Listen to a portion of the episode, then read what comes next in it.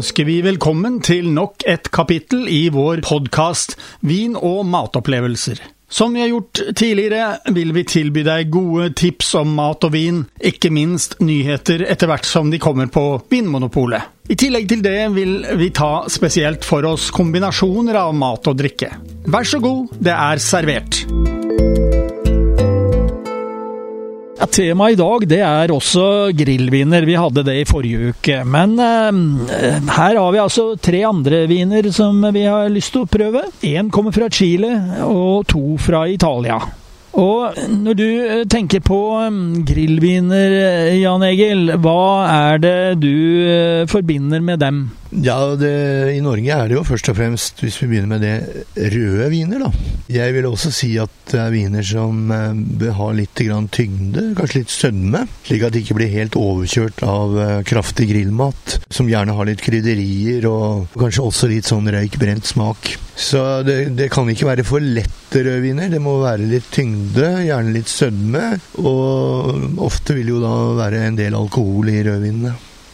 Og da er det jo interessant med den første vi har foran oss. Eh, det er en Konosur eh, Bicicletta Reserva Syrra. Og det er en rødvin. Nå er det stort sett sånn at det er en overvekt av kjøtt man griller i Norge. De vinene vi prøver nå, disse tre, de er som du sier tre forskjellige typer viner. To fra Italia, én fra Chile. Og de har forskjellige druer. Det er blandingsviner her òg. Og så er det en eh, endruevin fra Piemonte. Denne chileneren, som du sier, den, eh, det er riktig, det er en syra, men den har faktisk fire andre druer innblandet. Slik at eh, når jeg har kjent på den nå, så er ikke det den mest typiske syravinen som jeg har vært borti. Nå sier de jo det, de, eh, veldig mange.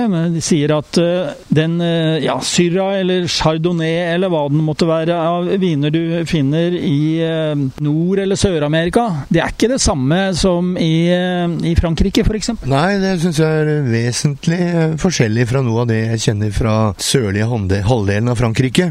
Det er det. Også drueblandingen her er veldig kompleks, da. Denne vinen her er jo en relativt priskunstig vin, 120 kroner. og det er ofte ofte sånn at du finner chilenske viner som du får mye bra vin for en rimelig penge. Denne syns jeg har når aromaen, med en gang du snuser på vinen her, så er den litt typisk syra. Men med en gang jeg smaker på den, så kjenner jeg den ikke helt igjen som syra. Dette pepperaktige preget som du ofte har på syraviner fra Frankrike, det er lite framtredende i denne vinen. Men når jeg smakte på den, så syns jeg jo at det var en eh, fin struktur i den. Den kan du få fram med, med temperatur eh, og forskjellig. Altså, jo varmere en vin er, jo eh, mindre syre vil komme fram. Men kanskje sødmen i vinen vil komme fram.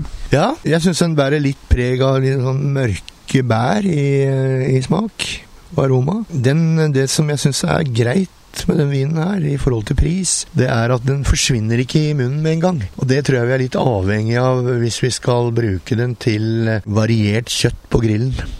Denne vinen kommer fra en vingård som heter Konosur Vineyards og Winery. Det er et forholdsvis ungt uh, vinhus, uh, 1993.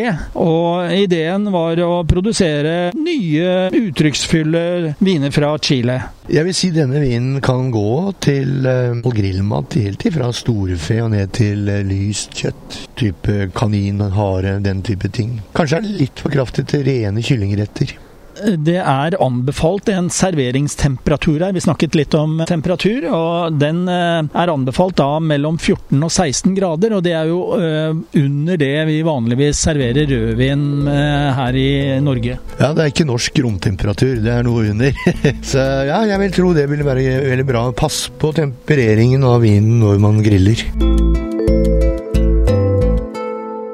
Ja, da har du fått en 100 eh, Barbera i glasset. Det er, ikke noe, eh, det er en endruevin, så det er ikke noe innblandede andre druer. Det er helt riktig. Den, eh, det er en Piemonte-vin, altså nord i, nordvest i Italia, oppunder fjellene. Det området er jo kjent for tre druer.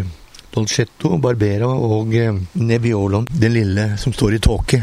Det er liksom litt sånn eh, kvalitetsmessig, så er det ofte man sammenligner med sånn Tripp Trapp tresko, Dolcetto Barbera, også Nebbiolo. Dette er en uh, ganske typisk Barbera.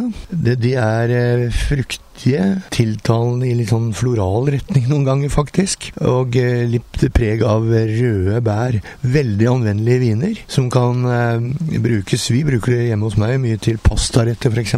Dette er jo en Ricossa Barbera Piemonte, og den er fra 2019, så dette er en ung vin.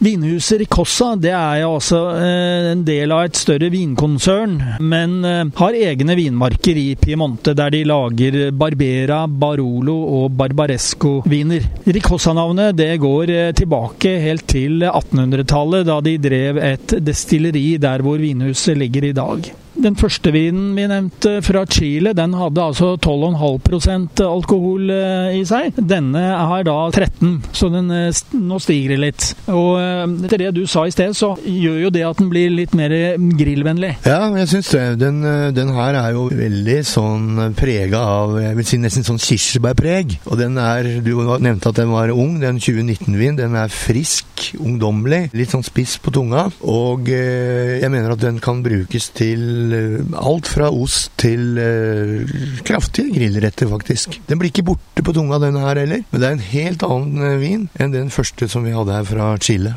Vi nevnte at den første vinen den burde serveres mellom 14 og 16 grader, og denne her er anbefalt til 16 grader. og Det er vel for å få fram strukturen? Ja, det tror jeg. Og det er veldig delikate aromaer i den her, altså. Det må jeg si. Her eh, har den faktisk fått eh, seks måneders eh, eikefatlagring. Dels fransk og dels amerikansk eik. Og Det setter jo preg på denne vinen. Det blir litt mer kompleksitet. Det blir litt mer også sånn retning vanilje, litt krydder. Koster da 140 kroner. Og eh, vi må jo si at det, det, er eh, mye vin for pengene. Ja, det må jeg si, da. Den, eh, det, kan, det, er trygt kjøp, sånn som vi opplever den her. Den er anbefalt da til rødt kjøtt, og det er jo grillen vi har foran oss i dag. Og litt vilt, og kan også passe til oster. Den eh, vinen du har i glasset nå, det er en eh, Valpantena Torre del eh, Falasco Ripasso della Valpolicella. Langt fint navn, gitt. Den har årgang 2017, eh, så den har eh, ligget eh, rundt tre år. Og det er altså en ripasso. og Kan ikke du bare sånn for folkeopplysningens skyld eh, si eh, hva er dette med ripasso og amarone osv.? Ja, altså Valpolicella er jo et område med enormt mye vinproduksjon. Og i Norge så får vi kan kalle det tre klasser viner herfra. Da. Det er vanlig Valpolicella Classico som er produsert på normal måte med gjæring av druer. Når det gjelder, så kommer det over på ripasso, så er det Valpolicella som delvis er produsert på tørkede druer.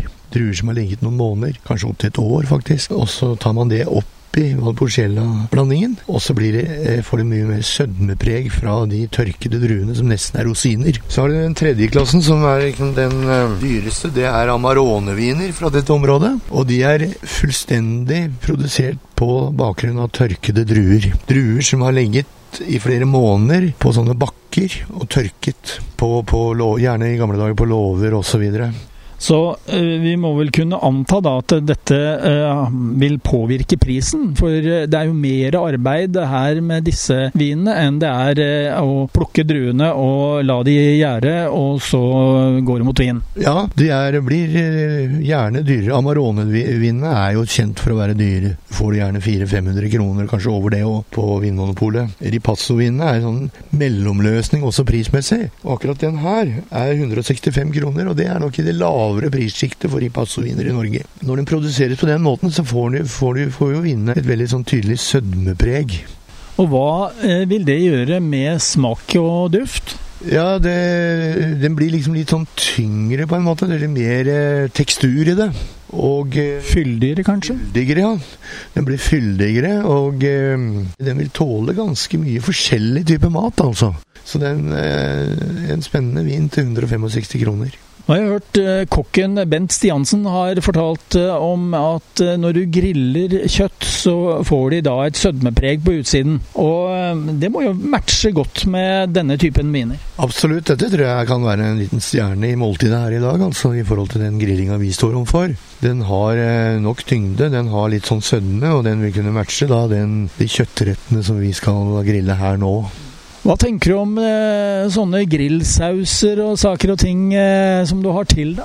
Ja, det er eh, Ja, hva skal jeg si, det er jo alt og intet. Det er mye av det som er litt sånn overkill i det vi får i Norge. Mange av disse ferdige. Jeg ville ikke ha krydra denne i hjel, altså. Jeg ville hatt det litt Ja, kanskje en, kanskje en type bearnés, f.eks. Istedenfor disse spisse, krydrede, amerikanskpregede. Jeg ville nok hatt kanskje litt, også litt sødme i noen av de sausene. Denne vinen her tror jeg tåler ganske mye, men vær forsiktig med å bruke for tunge, tungt krydrede Jeg kaller det nesten amerikaniserte grillsauser. Da har du fått dagens podkast fra Radio Riks Oslo om mat og vin. Hvis du ønsker å abonnere på den, slik at du får den automatisk når nye blir lagt ut, kan du gjøre det. Lykke til! Kommende mandag får du neste kapittel. Vi høres!